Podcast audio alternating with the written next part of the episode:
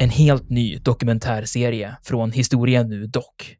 Av Kristina Ekero Eriksson och Urban Lindstedt. Det här är Vikingen i världen. Vikingarna, de var inte något främmande folk. Sannolikt är det ett slags tempel, ett kulthus helt enkelt. Enligt legenden så är rykiderna skandinaver. Från skeppet och bränslet och slavinnan och hennes herre hade blivit till aska.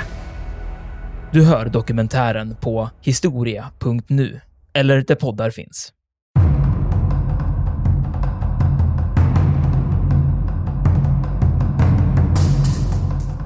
Och det är ju tanken att ett lokalt anfall faktiskt ska kunna mötas med ett kärnvapenanfall. Vi var ju inne på det här med taktiskt, att använda kärnvapen taktiskt. Och i Eisenhows värld så är ju idén den där just att använda kärnvapen för att möta ett, ett sovjetiskt anfall. Och i hela den här äh, doktrinen ligger ju nämligen att få ryssarna att förstå. Anfallar ni konventionellt, framförallt går in i Västeuropa, då kommer vi att sätta in kärnvapen.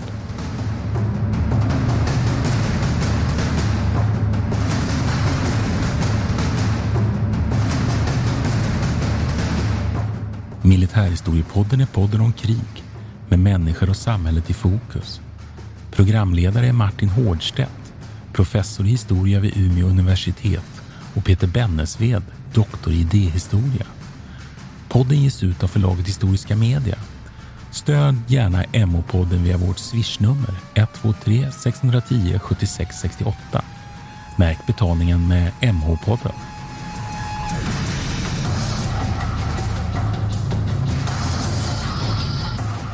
Hej, välkomna till Militärhistoria-podden. Jag heter Martin Hårdstedt. Och det här är Peter Bennesved. Hörru du, det finns ju en, en skillnad och en likhet mellan oss. Okay. Som ju, ja, lite anspelar till dagens tema. Det ena i alla fall. Det, det första är ju att jag är ju kalla krigare. Just det. Mm. Jag har ju levt upp, upp i uppväxt under kalla kriget och till och med tjänstgjort, ja, åtminstone i slutet av, av kalla kriget. Det har mm. inte du riktigt gjort. Nej, jag är helt och hållet inom den här förslappade generationen. Jag, gjorde ju faktiskt, jag, jag har inte ens varit hemma igen. Ja.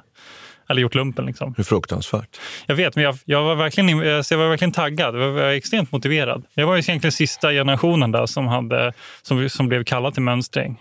Året efter mig så la de ner. Vet jag. Just det, 2011 ja. när vi pausade ja. våran, våran värnplikt, ska ja, säga. inte tog bort den. Den är ju tillbaka nu får vi säga. Men däremot så finns ju en sak som jag ändå lyfter dig lite ur, ur dyn. Mm. Och det är att du har ju disputerat faktiskt, Peter. Ja, det stämmer. Det var ju faktiskt den 6 november. Ja. Det gick ju faktiskt riktigt bra. Du säger det. Och trevlig kväll hade vi också. Ja. Så att, och det gör ju att jag känner ju nu att jag kan ju mera sådär behandla ja, dig mer som en jämlik. Vi ja, kan mötas nu så att säga. Nej, men jag, det är en intressant reflektion. Där. För mig är liksom den här perioden som vi ska snacka om nu, vi ska prata om kärnvapen och uh, röra oss i kalla kriget. Det är verkligen en period som är liksom, uh, nästan har ett e-, esoteriskt skimmer runt sig. Det är en sån märklig period så här, i, i retrospekt. Ja, där, där vi, vi ska ju prata egentligen om någonting som du lägger ner, lägg, lägg, man lägger ner enorma resurser på att, att bygga kärnvapen som ju i slutändan kan, så vet man vet, föröda hela vårt jordklot. Men man använder dem ju aldrig och kan ju inte använda dem. Och det tycker jag är en, en, om vi inleder med en sån intressant spänning överhuvudtaget där. Men, men vi kanske skulle behöva säga, nu, nu har, ju, har vi pratat du och jag om att vi ska ju faktiskt ha eget program, avsnitt om Manhattanprojekten för det är så spännande. Men men du som kan det här av oss två framförallt, skulle du kunna säga någonting om den där uppstarten? Av, ja, jag kan bara säga något, eh, säga något kort. Där. Men det som man eh, gör då, det är att man sätter igång det här så kallade Manhattan-projektet. Det kallas Manhattan-projektet för att man möts i det här Engineering District i Manhattan. Och där eh, möts alla de här forskarna. Då. Det är en blandning av forskare från Storbritannien, från eh, Tyskland och från USA som, som eh, går samman och ska då sätta igång det här eh, atombombsprojektet som man känner till man har alltså, teoretiskt har man ju pratat om det här sedan, tidigt 30-tal och eh, om inte ännu tidigare. Och det finns en, en rad forskare då som har hållit på med de olika radioaktivitet och, och uranklyvning. Och bland annat Lise Meitner som, som beskrev själva eh, hur klyvningsprocessen går till. Hon var ju faktiskt här i Sverige och en viktig aktör här som man kan nämna. Eh, men då, då, sätter man igång med detta och det här blir eh, liksom starten till det vi brukar kalla för big science inom vetenskapshistoria. Det är som ett enormt projekt. Det är runt 100 000 personer involverade i det här.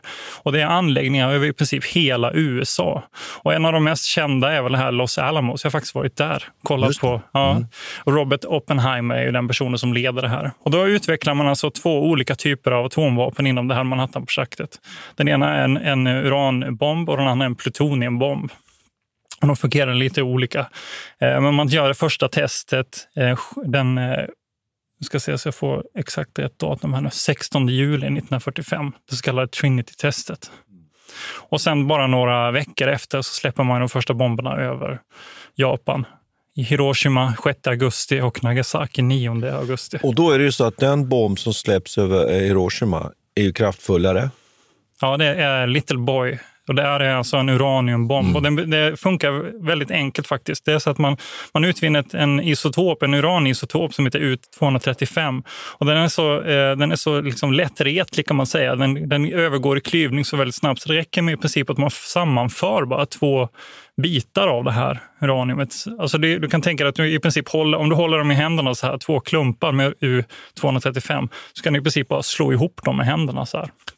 Och så sätter man igång en, en eh, uranexplosion, då, eller, en fusions, eller fissionsexplosion. Och plutoniumbomben som man släpper tre dagar senare. Den fungerar, Nionde ja. Nagasaki. Det var inte meningen att det var Nagasaki egentligen, men det blev Nagasaki. Ja, precis, på grund av väderförhållanden ja, och annat. Precis. Ja. Mm. Och det som, den, den fungerar på lite annorlunda sätt. Då har man alltså en plutoniumkärna som man kläder in i något annat sprängmedel, bara en vanlig liksom, eh, TNT i princip. Och av det trycket som uppstår när du bränner av TNT så, så pressas plutoniumet ihop och, och startar upp en sån här kedjereaktion. Och det här är liksom grunden i fissionsbomben. Det finns ju ytterligare ett steg då, som den här superbomben, vätebomben. Den fungerar lite annorlunda, men det kan vi ta sen. Men, men, och det har man ju diskuterat lite varför man, man, man eh, använder de här bomberna. Och, forskningen där är, väl ganska klar på idag att det framförallt så handlar det om att man använder ett vapen man har tillgängligt för att vinna kriget. Och sen den här idén som ofta brukar florera, att man ah, gör det här som en demonstration för att visa ryssarna att man har ett vapen, att man liksom redan nu har lämnat andra världskriget i vägen i nästa steg, brukar väl i, i, av de allra flesta underkännas ändå som den största orsaken. Utan här handlar det om att vinna kriget helt enkelt mot japanerna. Och det är väl bara att konstatera att, att det har ju avgörande betydelse. A lot can happen in three years, like a chatbot may be your new best friend. But what won't change? Needing health insurance. United Healthcare Tri Term Medical Plans, underwritten by Golden Rule Insurance Company, offer flexible, budget friendly coverage that lasts nearly three years in some states. Learn more at uh1.com. Quality sleep is essential. That's why the Sleep Number Smart Bed is designed for your ever evolving sleep needs. Need a bed that's firmer or softer on either side? Helps you sleep at a comfortable temperature? Sleep Number smart beds let you individualize your comfort so you sleep better together. JD Power ranks Sleep Number number 1 in customer satisfaction with mattresses purchased in-store. And now save 40% on the Sleep Number limited edition smart bed for a limited time. For JD Power 2023 award information, visit jdpower.com/awards. Only at Sleep Number stores or sleepnumber.com.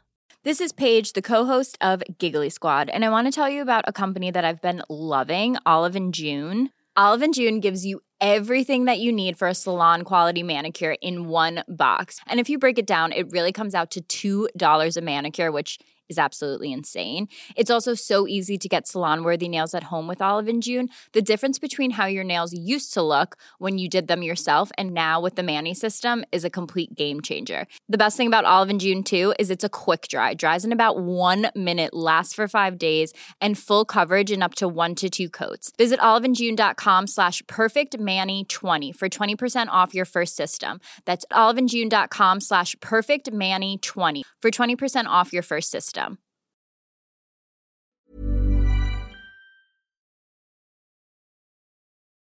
Det är lätt att få för sig att eh, så som vi ser på kalla kriget och eh, supervapnen som utvecklas senare, så tänker man sig att eh, man såg det här som ett supervapen redan då.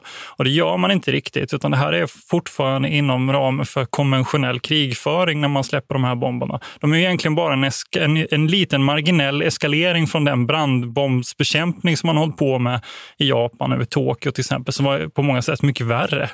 Eh, inte, inte kanske i form av eh, radioaktiviteten och det som uppstod sen, men med själva liksom de, de, ja, brandstormarna, ja. och det, de har vi ju även i städer som Dresden. Och det beror ju på helt enkelt att stå, det kan ju uppträda även i skogsbränder. Så att mm. den effekten, och den, den, den inträffar ju även med en, med en atombomb. Sen är det väl också så att de här, av de här två bomberna som släpps över Japan, det är ju så att vinden ligger på ett sätt att, som jag har förstått saken också, det mesta radioaktiviteten driver faktiskt ut till havs. Så man får ju inte riktigt den där vad ska vi säga, radioaktiva effekten av dem som man mm. kanske har tänkt sig. Det kan man ju tycka nu då, det är, för, förfärligt. För att, jag vet inte om de tänkte på det faktiskt. De nej, det tror jag inte de tänkte på. Mycket. Utan, utan ja. jag tror precis som du säger att man använder de här som kraftiga bomber. i ja. stort sett. Ja, det var en helt och hållet ekonomisk vinst. Ja. Alltså istället för att skicka tusen flygplan då med konventionella bomber så kan man skicka ett ja. flygplan, Enola Gay som det hette då, med, med en bomb och få uppnå exakt samma effekt. Det är också så man ser på det i Sverige de här första åren efter 1945. Så det är liksom ingen, ingen som föreställer sig att det kommer utvecklas till de här superbomberna vid det här skedet. Nej, och sen vet jag inte om man är riktigt medveten om radioaktivitetens eh, betydelse här och fara. Absolut inte. Man har ju soldater som står och tittar hittar i samband med de här provsprängningarna mm. också som ju sen blir kontaminerade och får mm. ju skador och sjukdomar på grund av radioaktivitet. Så man var väl inte helt medveten Nej, absolut. Alltså kunskapen om radioaktiviteten, för det första hålls det hemligt av, av USA Eh, under de första åren. Och sen så, så framträder det här i, som någon slags global diskussion först under mitten av 50-talet eller efter eh, den här incidenten med Little Dragon, med den här lilla fiske, japanska fiskebåten eh, som, med ett gäng fiskare som blev kontaminerade av, på grund av de här eh, supervapentesterna som man utför. Och det är egentligen då som man börjar, som världssamfundet så säga, börjar få insikt i vad de här sakerna faktiskt betyder och vad, vilken effekt radioaktiviteten har. Mm. Men, men sen är det så att man informerar ju ryssarna och det gör man ju på Potsdamkonferensen faktiskt 1945. Så ryssarna vet ju att det finns ett kärnvapen. Men det tar ju nu några år innan ryssarna kommer ikapp. Mm. Uh, och det, det, där tycker jag är så spännande att man, man ser ju nu möjligheten att demobilisera armén, plocka ner den efter andra världskriget. Och det, det, det är ju ett, ett, ett opinionsfrieri naturligtvis. Varför kan man ta hem soldaterna och minska de konventionella styrkorna så är det fantastiskt. Och så har man då istället ett, ett egentligen förhållandevis billigt vapen, då, kärnvapen, och man har ju kärnvapenmonopol. Och det är en intressant period det där, men det håller ju inte så många år. Det gör det ju inte, men då bygger man ju upp en doktrin inledningsvis som ju handlar om att man har kärnvapen, och det har inte ryssarna. Men de här kärnvapnen som jag har förstått, de, de är ju väldigt otympliga. Mm. Ja, de väger ju runt tre ton, en sån ja. här minst i alla fall. Och vapenbäraren nu inledningsvis är ju det strategiskt tunga bombflyget. Mm. Det ska man ju komma ihåg. Man har inte utvecklat ännu då de här interkontinentala raketer, missilerna och man har inte utvecklat ubåts Ja, det är precis, det är bärtekniken här som egentligen är den avgörande. Hur ja. man ska liksom leverera de här bomberna. Och hur man ska få det att mm. fungera på, på ett ganska snabbt sätt. Och därför funderar man ju lite på om det var så klokt egentligen här redan inledningsvis. Att man ju inte heller har kärnvapen som man direkt kan sätta in. Utan här, här, mm. här gamblar man ju lite. Men sannolikt är det ju så att opinionen vid den här tiden vill ju ha naturligtvis hem sina soldater. Men sen 1949 så händer det fruktansvärda i amerikansk synvinkel. Att, mm att ryssarna ju spränger ju mm. skaffar sig kärnvapen. Ja, det, är inte bara, det är inte bara ur, eh, för amerikanerna, ur amerikanernas perspektiv. Det är också så här, det pågår en diskussion här nu om att man ska upprätta ett slags världsregering i princip. Om man försöker, FN trycker ju på, då, som håller på att bildas just den här perioden, de trycker ju på att USA ska ge upp sina vapen bland annat och överlämna dem i princip till FN så man ska bilda en slags, man använder den här, det här nya kärnvapnet som en slags möjlighet till att skapa en, en kontinuerlig världsfred. Så det är inte bara, det är inte bara ur USAs liksom strategiska perspektiv som det här är en stor förlust 1949 när, de, när Sovjetunionen testas första gången, utan även för hela, liksom, hela idén om en, om en fortsatt fredlig samtid liksom efter, efter andra världskriget. Och då, då, är det så här, men ska man ju också komma ihåg att det är inte bara kärnvapnet som, som ryssarna plötsligt skaffar sig. Och det kan man, väl, kan man ju tillägga att de, mm. det är genom spionverksamhet man skaffar sig den här. Ja, det är extremt dramatiskt alltså. Och det är jättespännande. Bara det skulle kunna vara ett avsnitt. Vi brukar ju alltid så här, hitta på nya avsnitt medan ja. vi gör medan avsnitt. Vi pratar. Eh, och sen ska man också komma ihåg att det här är en tid av, får man, man skulle nog kunna säga, amerikanska bakslag. Mm. Mao kom ju till makten och man, man förlorar ju så att säga den där interventionen och kriget också i Kina. Och i USA sätter man sig ner faktiskt och, och, och börjar fundera på hur, vad ska vi nu göra. Det kommer ju sen så småningom några viktiga såna här policydokument. Mm. NSG 68 finns ett sånt där stort policydokument kommer, kommer inom den amerikanska administrationen.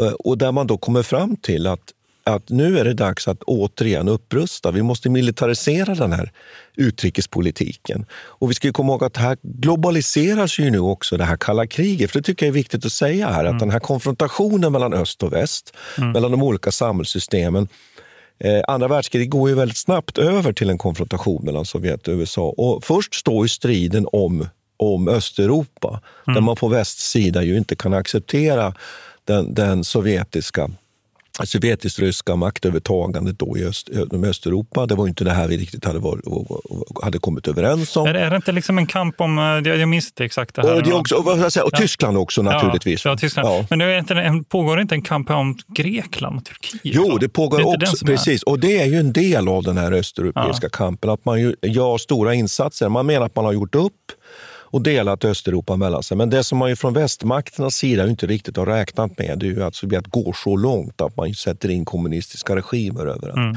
Och man brukar säga att slutet på den här processen är 1948, den så kallade Pragkuppen då man över, överflyglar det som vi kallar för, kallade då för Tjeckoslovakien. Då, och det blir en kommunistisk stat. Och man bygger upp, eh, ja, Sovjet bygger upp alltså en buffertzon i Europa. Och Sen är man ju oenig om, om Tyskland och vi behöver inte gå in på det här mer ja. i detalj. Men det är ju den perioden. Och sen kommer ju eh, Koreakriget. Mm. Och där inser man ju från amerikansk sida, man har ju tänkt att lägga ner marinkåren bland annat. Den har man ju tänkt att helt enkelt avveckla. Okay.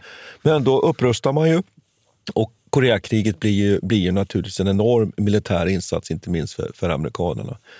Eh, och där man ju faktiskt diskuterar ju insats av Kärnvapen. kärnvapen. Och det är ja. den här, eh, vad heter han, MacArthur. Ja. ja. Och det tycker jag är intressant. Vi kan stanna där, för, för där, där ser man så tydligt den här diskussionen som pågår under tidigt 50-tal. Eh, huruvida man ska se på kärnvapnet som någonting som man kan använda taktiskt. Eh, om det ska vara liksom en, en, en annan variant av, av eh, vapen bara eh, bland alla andra eller om det här är någonting liksom unikt och speciellt som inte får användas mm. hur som helst. Nej, för här finns det en spänning. Vi, vi har ju mm. varit inne på de här begreppen i våra avsnitt. Att det här taktiska är ju egentligen, om man ska hårdra det, så handlar det ju egentligen om slagfältet. Alltså i den här eh, stridssituationen, att man nyttjar då eh, kärnvapen taktiskt på så att säga, den allra lägsta nivån, eller på operativ nivå som är ju nästa nivå när vi pratar om krigföring.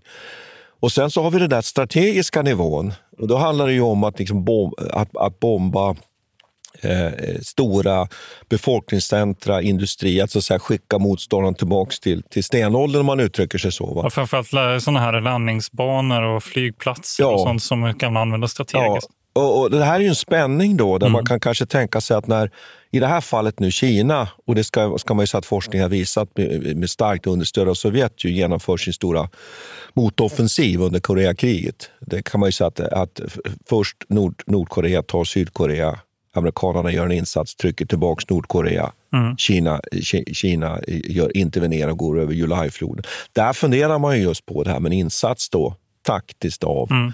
av kärnvapen för att få stopp på det här. Det intressanta är ju att här händer ju någonting och egentligen då så, så kan man väl konstatera att det där idén om att man skulle kunna ta ner de konventionella styrkorna till förmån för kärnvapen. Den där balansen mellan mm. kärnvapen och konventionella styrkor är någonting som ju genomsyrar egentligen hela kalla kriget. Mm. sen. Man kan ju säga någonting också om de här vapen som man då tänker sig något taktiskt, det, taktiskt perspektiv. Det är ju inte riktigt samma typ av vapen, samma storlek på dem som man då släpper över Hiroshima och Nagasaki till exempel. Utan det här är mycket mindre varianter då, som man i princip kan sätta i, i, en, i en, eh, en artilleripjäs eller någonting sånt där. Och de är så runt mellan 1 till 2 kiloton som man då utvecklade i slutet av 50-talet.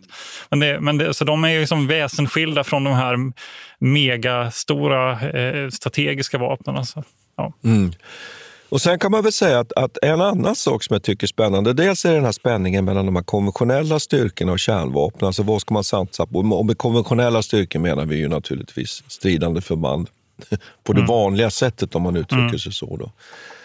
Eh, det är den ena spänningen. Den andra är ju väldigt intressant, att hur ska man bära de här eh, missilerna, kärnvapen, stridsspetsarna, vilken typ det än är.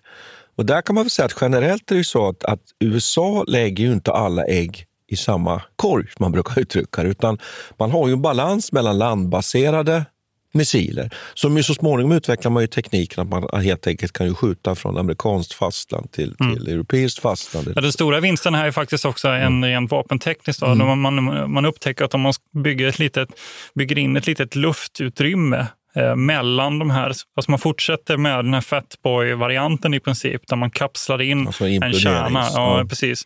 Och, man, och då upptäcker man att om man har ett liten luftspalt här emellan så mm. hinner själva trycket koncentreras på, med någon slags högre effekt. Exakt hur det här fungerar kan jag inte svara på. Men det gör att du kan ha en betydligt mindre eh, bomb. Du kan ha en mindre kärna och mindre sprängmedel med, med någon slags... De, de ska, den här kärnan ska sväva här inne på något vis. Mm. Men det gör att man kan minska då storleken på de här bomberna från tre ton då, som de tidigare varit. Man bara, ett, ett flygplan kan bara ha visst, väldigt begränsat antal sådana här bomber då, ner till runt 500 kilo. Samtidigt som man då ökar effekten då upp till 400 eh, eh 400 kiloton då, som är ungefär, vad blir det, 4, 40 gånger större än eh, Hiroshima-bomber till exempel. Och det gör ju att man helt plötsligt kan sätta de här bomberna på en interkontinental ballistisk missil. Mm. Och så kan man säga att de här vapenbärarna som man var inne på, dels är de här landbaserade, men, men sen bygger man ju USA Dels har man sitt strategiska bombflyg. Där B52 sen så småningom framför allt då på, på 60-talet kommer bli så väldigt viktig. Där är det fortfarande i tjänst? Då? Ja, det finns fortfarande. Och där man bygger upp då ett stort antal, såna här hundratals B52 stora strategiska bomber som ju bara egentligen har en uppgift och det är att lyfta in de här eh, kärnvapenmissilerna över sovjetiskt, eh, ryskt territorium. Men också att man i USA snabbt utvecklar ju ubåtsvapnet. Mm. Och det är ju väldigt intressant, för när vi kommer sen och börjar prata om de här olika doktrinerna så spelar ju de där väldigt betydelsefull roll. För de ger ju det som man brukar säga andra slags förmåga. För de där är ju svåra att ta, ta rätt på för, för motståndaren. Men jämför man här Sovjets strategi så är den ju under hela den här tiden egentligen mycket, mycket mera fokuserad på de här landbaserade missilerna i större utsträckning. Och att, att ryssarna jämnar väl ut det här mot slutet av perioden.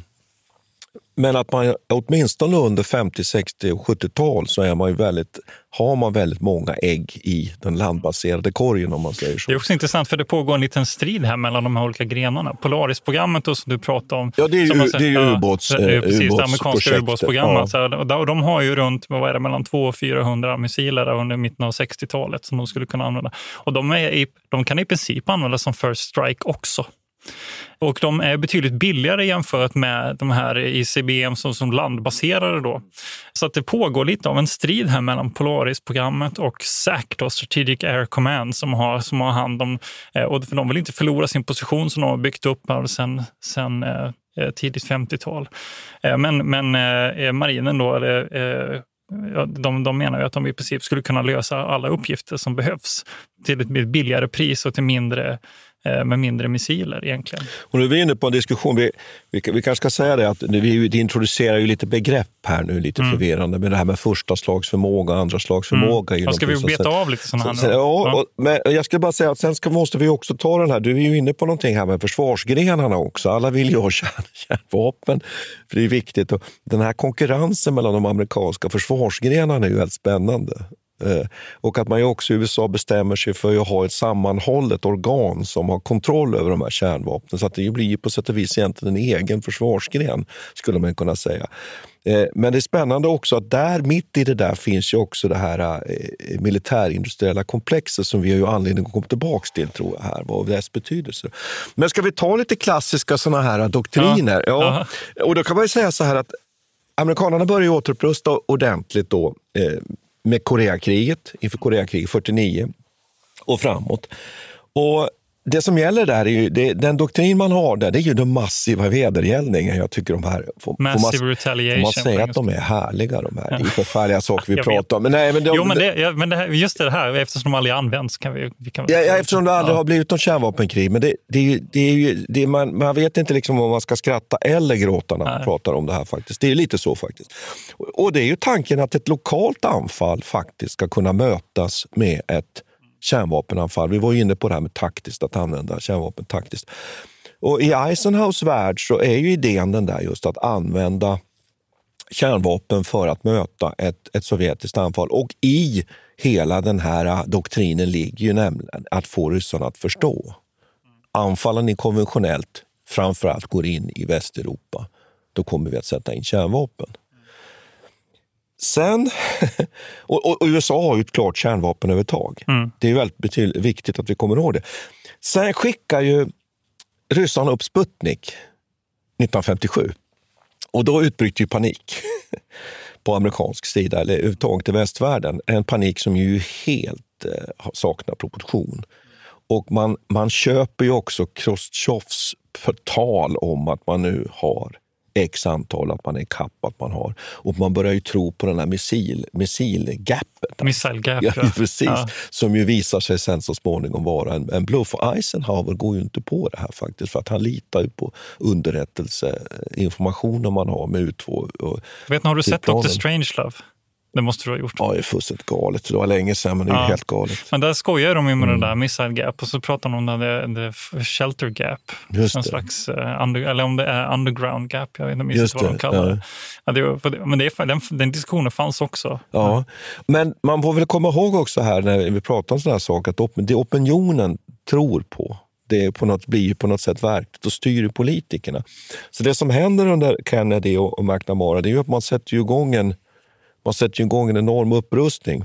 Och det gör man kanske inte för att man är från Kennedy-administrationen och McNamara är försvarsminister, skulle vara naiv och, och, tro på det där, utan det är helt enkelt bara det att, att det, det, blir på det sättet. Och när man inser att man har börjat sätta mm. igång den här upprustningen går det inte att backa, för då tappar man ju. Men du, jag vet inte om man kan säga att det är just McNamara som, som, eh, och Kennedy som sätter igång upprustningen. För det tycker jag nog finns ett tydligt besked om att ja, Eisenhower tror Ja, att det finns på slutet. Ja. Ja, ofta, alltså, det, det kan hålla med. Det här, ja, det här är ju en klassiker. Vi har ju senare ja. med Carter och, och eh, Reagan, där man ju alltid säger att det är Reagan som sätter igång. Nej, men då startade besluten togs ja. redan under Carter, så det, det kan jag ju ge dig rätt på den punkten. Men vi ska inte fördjupa oss mm. i det där. Nej. Men man kan väl säga att det är ju en sovjetisk i alla fall propagandatriumf där på något sätt, att man får motståndarna att tro.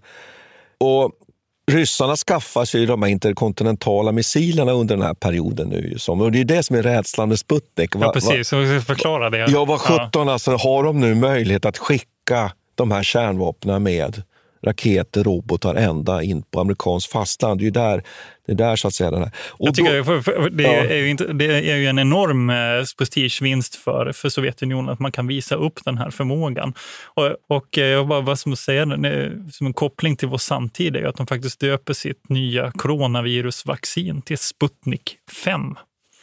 Har du tänkt på det? Nej, det har jag inte tänkt på, men, men det är ju klart att det här Sputnik är ju, ja. är ju, är ju nästan som en gudomligt väsen visst. på något ja, sätt. Men visst, alltså, Gagarin är ju närmast en, en, liksom, han är ju en ikon av närmast religiös proportion i Ryssland. Men du vet väl vad Jurij Gagarin sa när han kom tillbaks?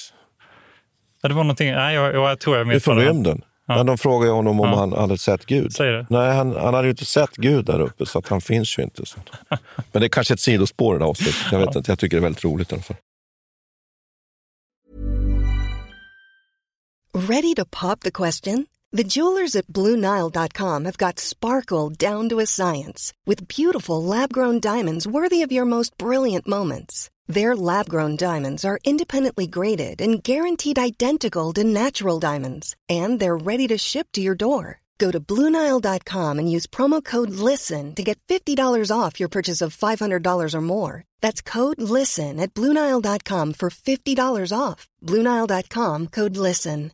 Quality sleep is essential. That's why the Sleep Number Smart Bed is designed for your ever evolving sleep needs. Need a bed that's firmer or softer on either side? Helps you sleep at a comfortable temperature? Sleep Number Smart Beds let you individualize your comfort so you sleep better together. JD Power ranks Sleep Number number 1 in customer satisfaction with mattresses purchased in-store. And now save 40% on the Sleep Number limited edition Smart Bed for a limited time. For JD Power 2023 award information, visit jdpower.com/awards. Only at Sleep Number stores or sleepnumber.com. Millions of people have lost weight with personalized plans from Noom, like Evan, who can't stand salads and still lost 50 pounds. Salads, generally, for most people, are the easy button, right? For me, that wasn't an option. I never really was a salad guy. That's just not who I am. But Noom worked for me. Get your personalized plan today at Noom.com. Real Noom user compensated to provide their story. In four weeks, the typical Noom user can expect to lose one to two pounds per week. Individual results may vary.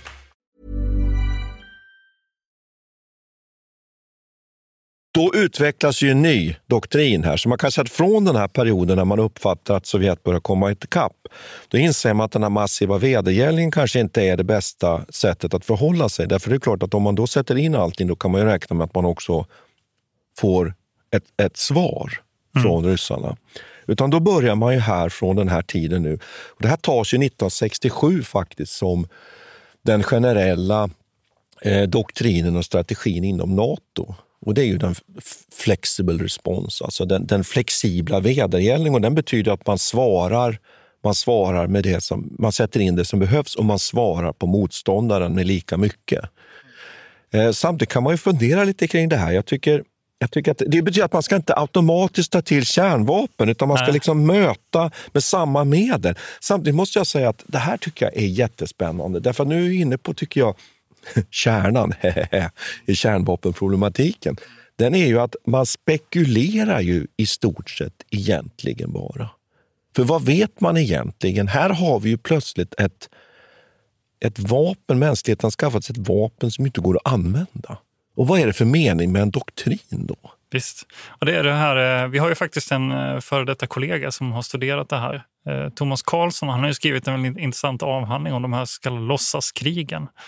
Och det är, de kommer ju, alltså det är egentligen olika typer av spel då, som Mm. man testar för att pröva de här olika scenarierna. Det finns ju en väldigt känd författare som heter, jag vet inte vilken typ av forskare han var, men eh, Herman Kahn som, Mm, mm. som skrev under 70-talet och, liksom räkna på hur många miljoner människor som skulle dö eh, i olika typer av scenarier och eh, vilken sida som skulle vinna och så vidare. Och så här. och, det, och de blir ju så väldigt centrala i den här situationen då eftersom vi inte kan, vi kan inte testa för så fort vi testar så är det slut på allt. Och det, det är jäkligt fascinerande. Man, man undrar ju också, finns det någon eh, liksom, historisk jämförelse ens? Kan, vi ens liksom, kan man ens närma sig någon slags historisk jämförelse? Finns det något annat fenomen som, som har de här egenskaperna? Nej, jag, jag, jag tänker när du sitter och, sitter och pratar så tänker jag ju direkt på, på, på Karl von Clausewitz och Ja. hans teorier om liksom kriget som väsen. Det är så Ja. intressant. Han har ju en hermaneftisk syn, som det brukar heta, på, på vad krigföring är. Alltså inte en väldigt mekanisk och lagbunden syn på vad krig är. Och han, han har ju alltid pratat om att, att krigföring är ju en, en förlängning av politiken. Och det man funderar på, funderar på här i kärnvapen, eh, under kärnvapenepoken, och den lever vi fortfarande i, ska vi komma ihåg. Det får vi inte glömma förresten heller. Va? Den är ju att, är det meningsfullt att säga att kriget kan användas som en förlängning av politiken?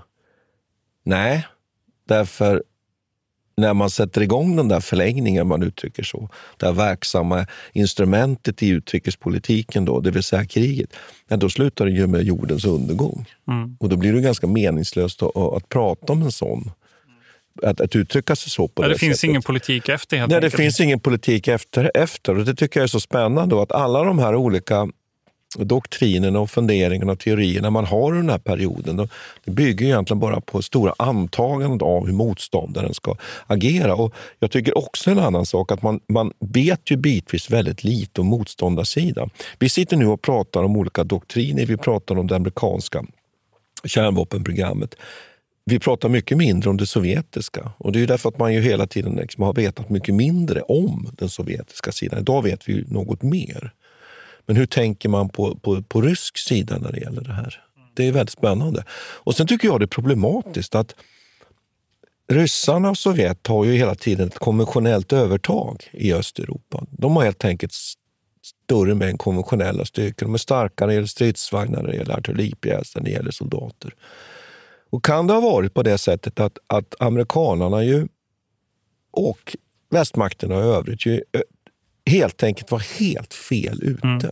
Ja, men eh, visst. Det kan man absolut säga. Det är ja. Eisenhower får ju, han har ju ganska stor skuld i detta som är så helt fokuserad på mm egentligen att man ska undvika krig genom deterrence enbart med kärnvapen. Ja. Och det finns ju röster i hans kabinett hela tiden som påpekar här att vi måste, vi måste öka anslagen till de konventionella styrkorna för att kunna möta Sovjetunionen i mer begränsade liksom, eh, krigsfall. Bland annat Suezkrisen är ju en sån här situation då man inser ganska snart att ja, men, eh, framtidens krig eh, kommer ju inte vara liksom den här, den mest osannolika. Vad är det Kennedy säger? Då har det där. Det är det mest osannolika. Vi har rustat oss för det mest osannolika kriget. Ja, vi, alltså, ja. Kennedy som, som arg, arg, arg, ja. arg och kritisk senator ger sig på Eisenhower-administrationen och säger så här att vi, vi, vi rustar för det krig som med minst sannolikhet kommer att utkämpas.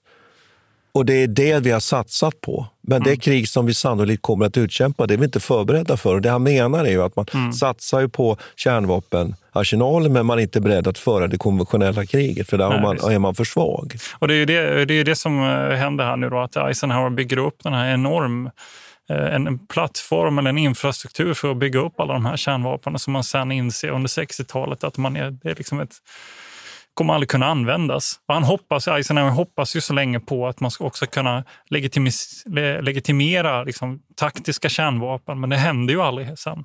Nej. Och Det är också en fascinerande aspekt av det här. Det, det, det, eftersom de aldrig används eh, så, så, blir det ju som någon slags kollektiv överenskommelse mm. runt om att vi inte ska att vi, att vi inte kan använda dem. De, de, de tappar mm. liksom sin, sin taktiska eh, ska man säga, funktion mm. eftersom de blir moraliskt omöjliga. Mm. Och Sen bygger, byggs det upp såna här olika zoner, va? också kärnvapenfria zoner ja. som bidrar till det här, ja. bland annat i Latinamerika. Och även här i mm. Norden har jag för mig att man kommer överens om såna här eh, Ja, det är ju en stor sak där till exempel för sådana mm. NATO-länder som, som Norge och Danmark, att man ju eh, mm. inte vill ha förhands stationerade Nej, kärnvapen.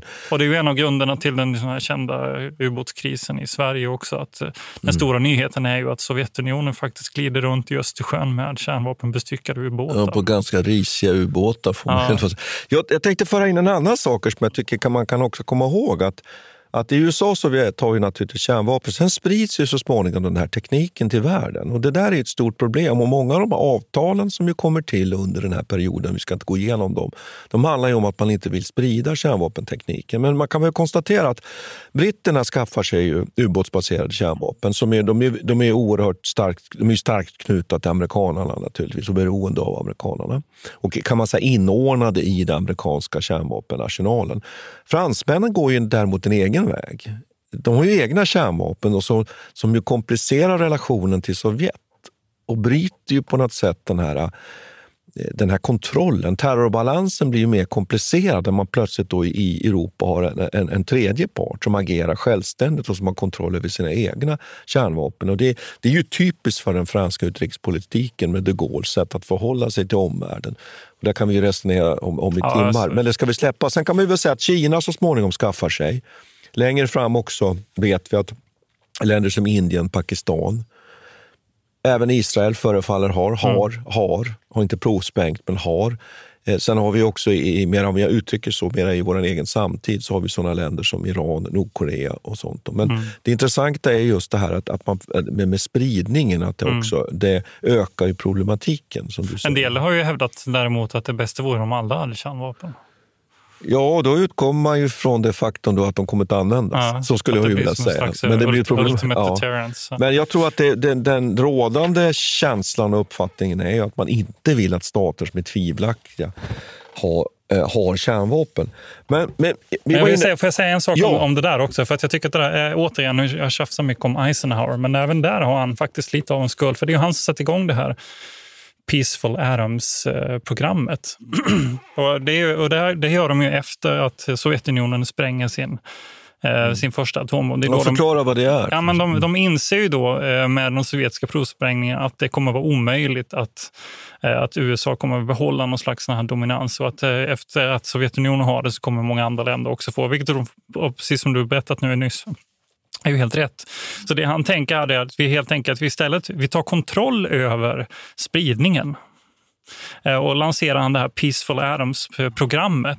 Och det, och det i, egentligen i praktiken så betyder det att man säljer, försöker också sälja in kärnenergireaktorer till. Bland annat så, så försöker man sälja in eh, amerikanska breeder-reaktorer eh, till, till Frankrike. Men de Gaulle vill gå den här egna vägen. Så han, De Gaulle vill ja, inte det, då. Han vill ha Mm. de här grafitvarianterna istället. Eh, men- Och, och så, så bildar man den här eh, Atomic Energy Commission. Bildar man. Och som då ska fungera som någon slags, eh, någon slags organisation som ska ha kontroll över spridningen av uran eller hur man säljer. Så det, det handlar mycket om hur de här olika gruvorna också fungerar och hur liksom marknaden för uran. Man tänker att man kan ta kontroll över spridningen genom uranet bland annat. Men, men Eisenhower från sitt håll, och det här som är intressant, han accepterar ju detta och han säger så här, okej, vi kommer inte vara ensamma, men vi måste ha flest. Så det är där, det är där han börjar satsa på att börja bygga upp den här amerikanska infrastrukturen för att bygga upp alla de här tusentals olika känd eh, Mm. stridsspetsarna. Och det där fortsätter för att amerikanerna har ju ett, ett, ett övertag när det gäller eh, inte bara kvalitativt, det har de ju under hela kalla kriget, det kvalitativa, alltså kvaliteten på sina vapen, men också kvantitativt. Och det uppvägs ju inte så småningom förrän under 70, 70 mot 80-talet. Då. Men jag tänkte, jag var inne på de här doktrinerna, vi tappade dem lite. Här. Ja, ja, men det var att prata response. om. Sen är det det här som jag tycker, det som jag tycker är så, är helt, som är helt, helt galet, MAD. Att man också har en idé om att man måste uppnå någon sorts mutual assured destruction, alltså den här ömsesidigt garanterade förödels, förstörelsen. Att man, man diskuterar såna här saker, att om vi kan skapa den där situationen, med, då kommer ingen att vilja använda kärnvapnen. Och Det här tycker jag är en inbyggd, ett inbyggt vansinne i de här doktrinerna, Nämligen att man, ska, man skapar de här vapnen och sen säger man så att de är jättebra därför att ingen kommer vilja använda dem. Och Den fråga man ställer sig här hela tiden är att, att man tar ju en rätt stor risk. Men där är ju frågan, vad, vad ska man ha för grundläggande uppfattning? Är det så att kärnvapnen skapar en terrorbalans som stabiliserar världen? Det skulle man väl kunna säga idag när, när geopolitiken är tillbaka och vi ju väldigt, har väldigt osäkra spelregler i världen. Att det på något sätt så skapar ju de här skapar ju de här kärnvapnen i en terrorbalans som, som, som ger ett, ett, en, en grundförutsättning att vi kan inte ge oss in i stormaktskonflikter och sätta in Nej. kärnvapen. Att Ja, på då- sätt och vis lyckades det så lyckas, och det Ja. kan man ju säga att det faktiskt lyckas.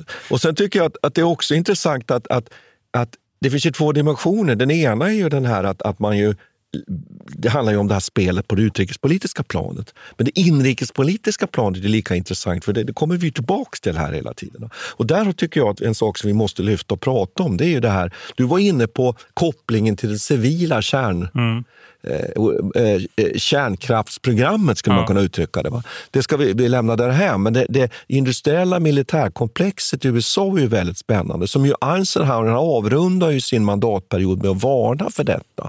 Och där kan man ju fundera kring, är det så att det driver det här? Det finns ju de som menar att det är på det sättet. Jag är inte helt övertygad om det.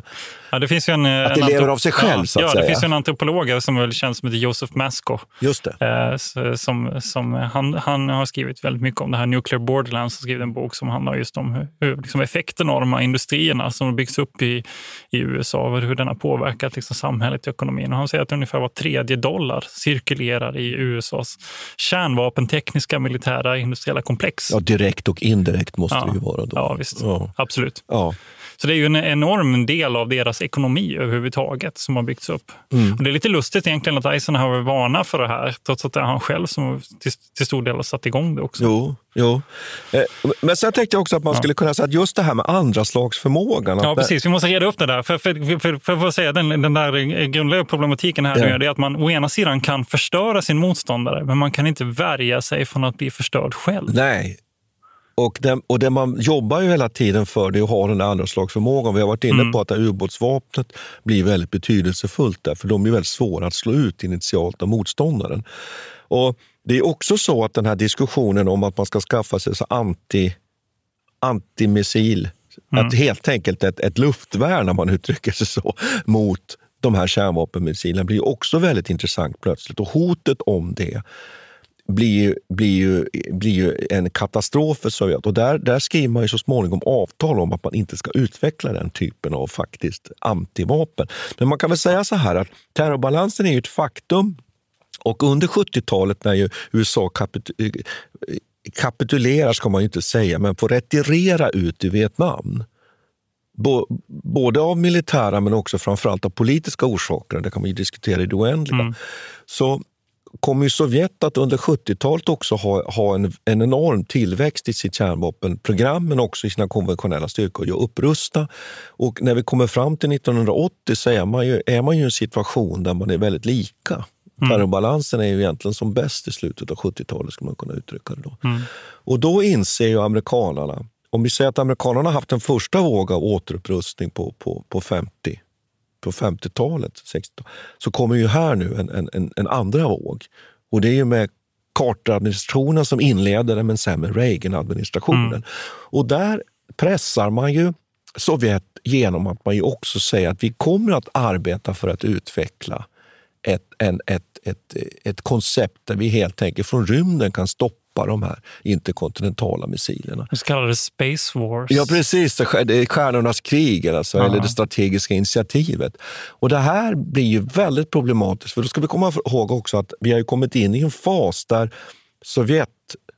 Sovjetsystemet inte bara politiska problem i Östeuropa men också har grava ekonomiska problem och där ju samhällssystemet håller på att implodera. Mm. Och I ett sånt läge vill man inte lägga ner ännu mer resurser om man Nej, har svårt att hänga med i kapprustningen som det är. Och, eh, och vi kan väl prata om det där mer. Vi- Jag vet att vi har varit inne på det här när vi har pratat teknikhistoria, just att den här halvledartekniken och det här med de här målsökande robotarna. Vi ska komma ihåg också att här har vi inte längre bara de här brutala, lite mer primitiva nu, robotar, utan vi har ju kryssningsmissilerna också, Ja. som ju utplaceras bland annat i, i Västeuropa till Sovjets stora förtret.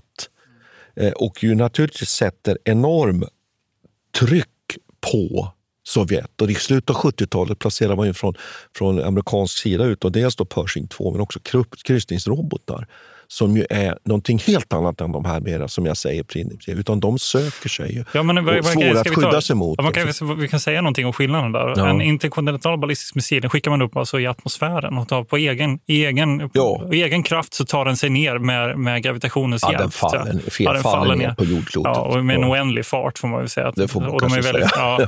Men, och en kryssningsmissil den är ju mer som en... Ett flygplan ja, skulle man kunna precis. säga. Och Eh, den kan lägga sig ganska lågt ja. längs med marken. Och, Och det är svår att upptäcka. Går under radar ofta. Ja. Och man kan ju också tillägga att kryssningsmissiler kommer sedan att användas till exempel under persiska vikenkriget. Och under, och, eh, de bär ju inte bara kärnstridsspetsar, du kan ju använda konventionella. Utan de är ju en helt annan ny teknik. Och där har vi en, en, en utveckling som ju Sovjet inte riktigt hänger med i, kan man, kan man, kan man, kan man så säga, väldigt enkelt uttrycka det. Va? Och, och, och mot slutet av kalla kriget där, där inleds det ju under 80-talet eh, och sen framåt Sovjetstatens fall ju då en serie av nedrustningsförhandlingar där man ju minskar drastiskt antalet kärnvapen. Dels då eh, kärnva- antalet stridsspetsar, för det är viktigt att komma ihåg att en kärnvapenmissil kan ju ha flera stridsspetsar det. som också kan söka sig till olika mål. Det kallas ju för MIRV-teknik. Det där. Mm. Det behöver man inte reda ut i, det- i, i, det- i detalj här. Men, så att det är lite missvisande att prata om hur många så att säga, raketer har man. Nej. Utan det handlar ju om hur många stridsspetsar. Ja, det. Utan här sker ju någonting under 80-talet och det har ju att göra med naturligtvis Sovjetstatens försvag, allmänna försvagning.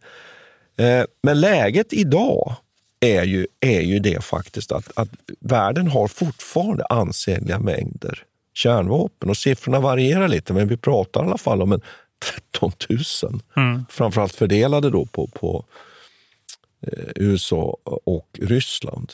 Så att antalet är ju väldigt stort. Men då ska vi komma ihåg att vi hade oändligt mycket, många fler kärnvapen när det begav sig så att säga, mitt under, under, under kalla kriget. Want flexibility? Take yoga. Want flexibility with your health insurance? Check out United Healthcare Insurance Plans. Underwritten by Golden Rule Insurance Company, they offer flexible, budget friendly medical, dental, and vision coverage that may be right for you. More at uh1.com. Mom deserves the best, and there's no better place to shop for Mother's Day than Whole Foods Market. They're your destination for unbeatable savings, from premium gifts to show-stopping flowers and irresistible desserts. Start by saving 33% with Prime on all body care and candles. Then get a 15-stem bunch of tulips for just $9.99 each with Prime. Round out Mom's menu with festive rosé, irresistible berry chantilly cake, and more special treats. Come celebrate Mother's Day at Whole Foods Market. You know how to book flights and hotels. All you're missing is a tool to plan the travel experiences you'll have once you arrive. That's why you need Viator. Book guided tours, excursions, and more in one place. There are over 300,000 travel experiences to choose from, so you can find something for everyone. And Viator offers free cancellation and 24 7 customer support for worry free travel. Download the Viator app now and use code Viator10 for 10% off your first booking in the app. Find travel experiences for you. Do more with Viator.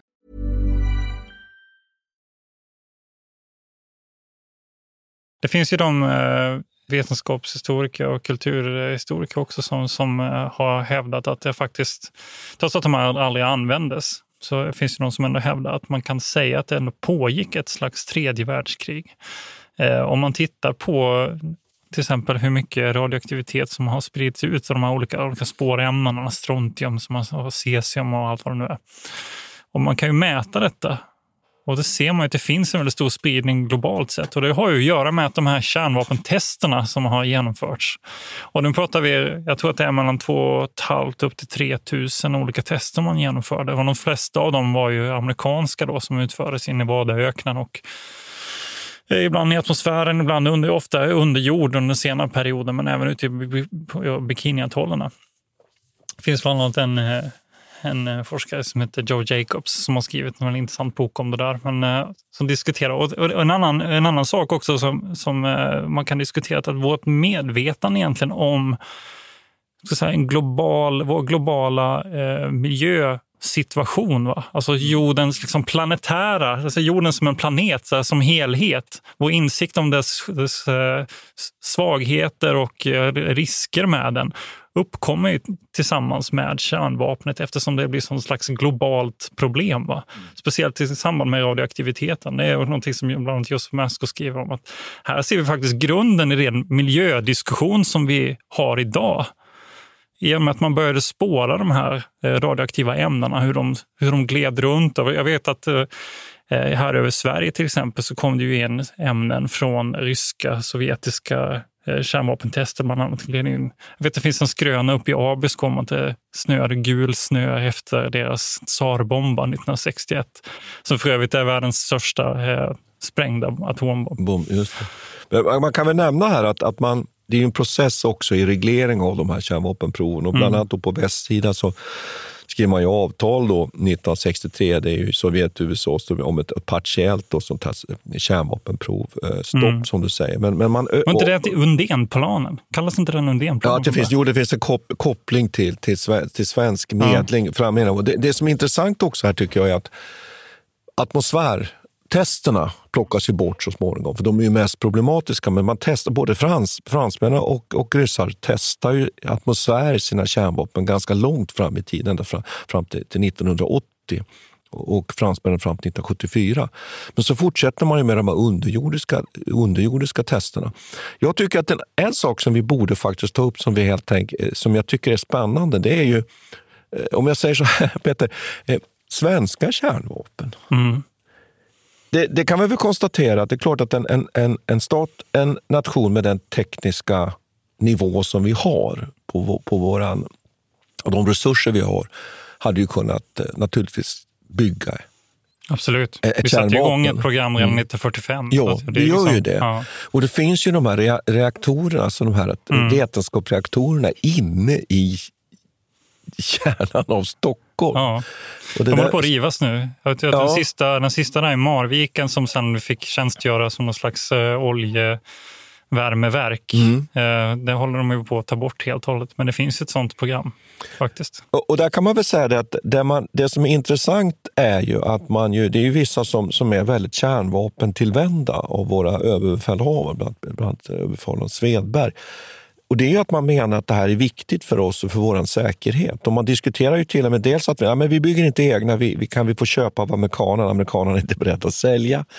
Eh, men att man faktiskt väldigt långt fram i, i, i den politiska beslutsprocessen alltså har en, en, en öppenhet för att eventuellt kunna. Och att den här forskningen som man bedriver, där har man, där har man så lösa gränser mot den militära användningen att man faktiskt ganska snabbt kan växla upp de där programmen och sätta svenska kärnvapen i, i, i, i, göra verklighet av dem. Och Det där tycker jag är spännande.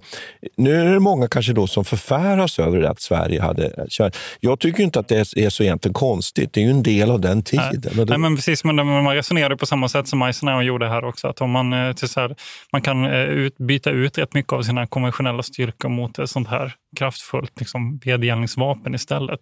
Och det är lite av problemet också då som man målar in sig lite av ett hörn där den svenska armén genom att hävda att man behöver det och sen så när man inte får det så, så har man helt plötsligt suttit och, och pratat i tio år om att ens konventionella styrka inte spelar någon roll. Men då måste man satsa på dem ändå. Så de eh, bygger in sig lite i en, i en rävsax. Men det är så, samtidigt som du säger, jag tror det är först 1965 som man bestämmer slutgiltigt att man inte kommer satsa på det. Att man till och med tar bort den här, vad ska vi Ja. kalla lite lösa for, Jo, formulerade kallas- jag tror att det kallas. S-programmet som, Ja. som bedrivs inne på FOA. Mm. Och det, skydds, det bedrivs skyddsforskning kallar man Ja, det. det är Mm. jättespännande att man kallar det för skyddsforskning mot ett kärnvapenanfall, men att i det ligger möjligheten att själva kunna sätta, sätta igång en produktion. Lite spännande det här att, att, att kunna kommentera, kommentera då, vad hade vi då för vapenbärare? Jo, det är ju stridsflygplanet Lansen, så de Ja. fick inte vara för tunga. Ja. Och också diskuterar man ju Viggen, ska kunna lyfta, lyfta de här. Mm. Eh, och, och finns också planer på att man är intresserad av den här tekniken som vi var inne på ganska inledningsvis, här, att man ska kunna med artilleripjäser skjuta de här. Men det, det finns också mycket som är väldigt mycket osäkerheter kring det här och, och letar man information om det här bland annat på nätet så hittar man väldigt mycket det kan vi säga då spekulativa idéer om de här svenska kärnvapen. Men jag tycker att det spännande är att Sverige också är en del av den här tiden. Absolut. Där man tror på kärnvapen, kärnvapen. vapen. Och det man skulle ha gjort då, det var ju, då diskuterar man ju så här på svensk sida, om vi nu pratar liksom om det operativt taktiska här. Då, att sätta in dem över vattenytan mot en landstigningsstyrka som är på väg från Östersjön, från Warszawapakten, det är inte så stor idé, för det hade man inte fått så stor effekt. Utan det man hade gjort då, det var ju att man skulle ha bombat de här ilastningshamnarna. Eh, bland annat i Polen och i dagens Baltikum. Jag skulle faktiskt vilja hävda så här, utifrån eh, min egen forskning kring eh, skyddsrummen här att Sverige faktiskt är med i en slags kapprustning också. Men att man istället för att bygga de här skydds... Eller för att säga, fullfölja det här skyddsforskningsprogrammet. Och, Till kärnvapen då, ja, så att precis. säga. Ja. Så, så fullföljer man istället en slags nedgrävning av hela Sveriges militära förmåga. Men som i princip har, har funktionen att den ska skydda mot den här first strike effekten. Mm. Jo, jo. Och, och därigenom ha en slags deterrence funktion. Ja, jag tänker direkt, Ja. ja, en andra slags förmåga. Ja, När vi kryper exakt. upp i våra skyddsrum, Exakt. eftersom vi har flest i världen Exakt. då, så att säga. Och Sverige Ja. är ju väldigt skickliga på det. Både Ja. militärt och civilt så bygger Mm. vi ju ner eh, bygger enorma. Vi har ju faktiskt Sveriges, eller världens största skyddsrum för, för den civila befolkningen i Stockholm. Klara, eh, klara garaget Mm. som tar, ska ta upp mot 20 000 personer den här perioden. Och sen tycker jag också att kärnvapenhotet finns ju levande i hur den svenska krigsmakten organiserar sig. Förlåt, Katarina Berg. Ja, Katarina Berg. Katarina tänkte Berg. säga det. Jo, att, att man ju bygger just så att säga, åt kärnvapensäkra utrymmen med mus muskelbasen till exempel och sådana här saker. Och jag vet ju från min, värn, från min värnpliktstjänstgöring precis i slutet av kalla kriget att man, man gör ju, får man väl säga, lite sådana här taffliga försök att lära oss hur man ska hantera en, en kärnvapen. Atombomb höger! Exakt. Skydd och, och också man, de här laxmuspapperna och man höll på och, och, ja. och, och, den här radioaktiviteten och hur man då sanerade detta med, med regn, regnrocken och sådär. Ja. Det kan man väl ifrågasätta lite då. Men det, det, där, det där är ju ett helt eget eh, avsnitt, för det måste vi snacka någon gång. Nej, jag berättar om mina, nej, svenska, mina lumparminnen. Ja, ja, men både om den svenska liksom, positionen i den här kärnvapenmiljön. Det, det, måste vi... Det måste vi släppa, ja. ja. ja men du, jag tror att det är dags för oss att runda av. Jag tror att vi, vi, vi ska faktiskt... säga någonting om nästa avsnitt också. Ja, vad bjuder vi på nästa gång, Peter? Vi ska eh, ta ett helt annat ämne. Då ska ja. vi, vi ska i och för sig stanna kvar lite grann i Japan. Det ska vi göra. Ja. Vi ska prata om samurajernas krig och kultur. Och vi ska faktiskt också egentligen anknyta till lite dagens tema, den här tekniska. Nämligen ja. när, när så att säga, tekniken flyter ifrån en hel, en, en hel samhällsgrupp. Ja. Men det, mer om det, ja, det kommer bli om en vecka. Så att, eh, tack ska du ha Peter idag. Ja. Jag tycker faktiskt att du, du, var, du höll högre nivå idag. Okej. Okay. ja, jag tyckte du höll okej okay nivå, Martin. Okej, okay, tack. Vi tackar Peter Bennesved och Martin Hårdstedt. Kontakta gärna Militärhistoriepodden via mejl på militarhistoriepodden historia.nu. Peter och Martin vill gärna få in synpunkter och förslag till programidéer.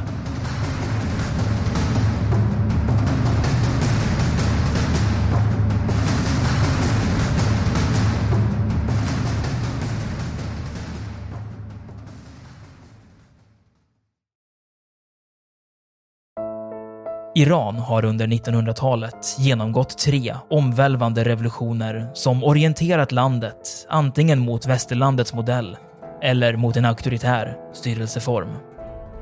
Idag pågår en social revolution i landet som vänder sig mot det islamistiska styret och vars anhängare har Europa och väst som förebilder. I en viktig bok ger idéhistorikern Mohammad Faslashemi en djupare förståelse för dagens dramatiska händelseutveckling. Iran mellan tre revolutioner är utgiven av förlaget Historiska Media.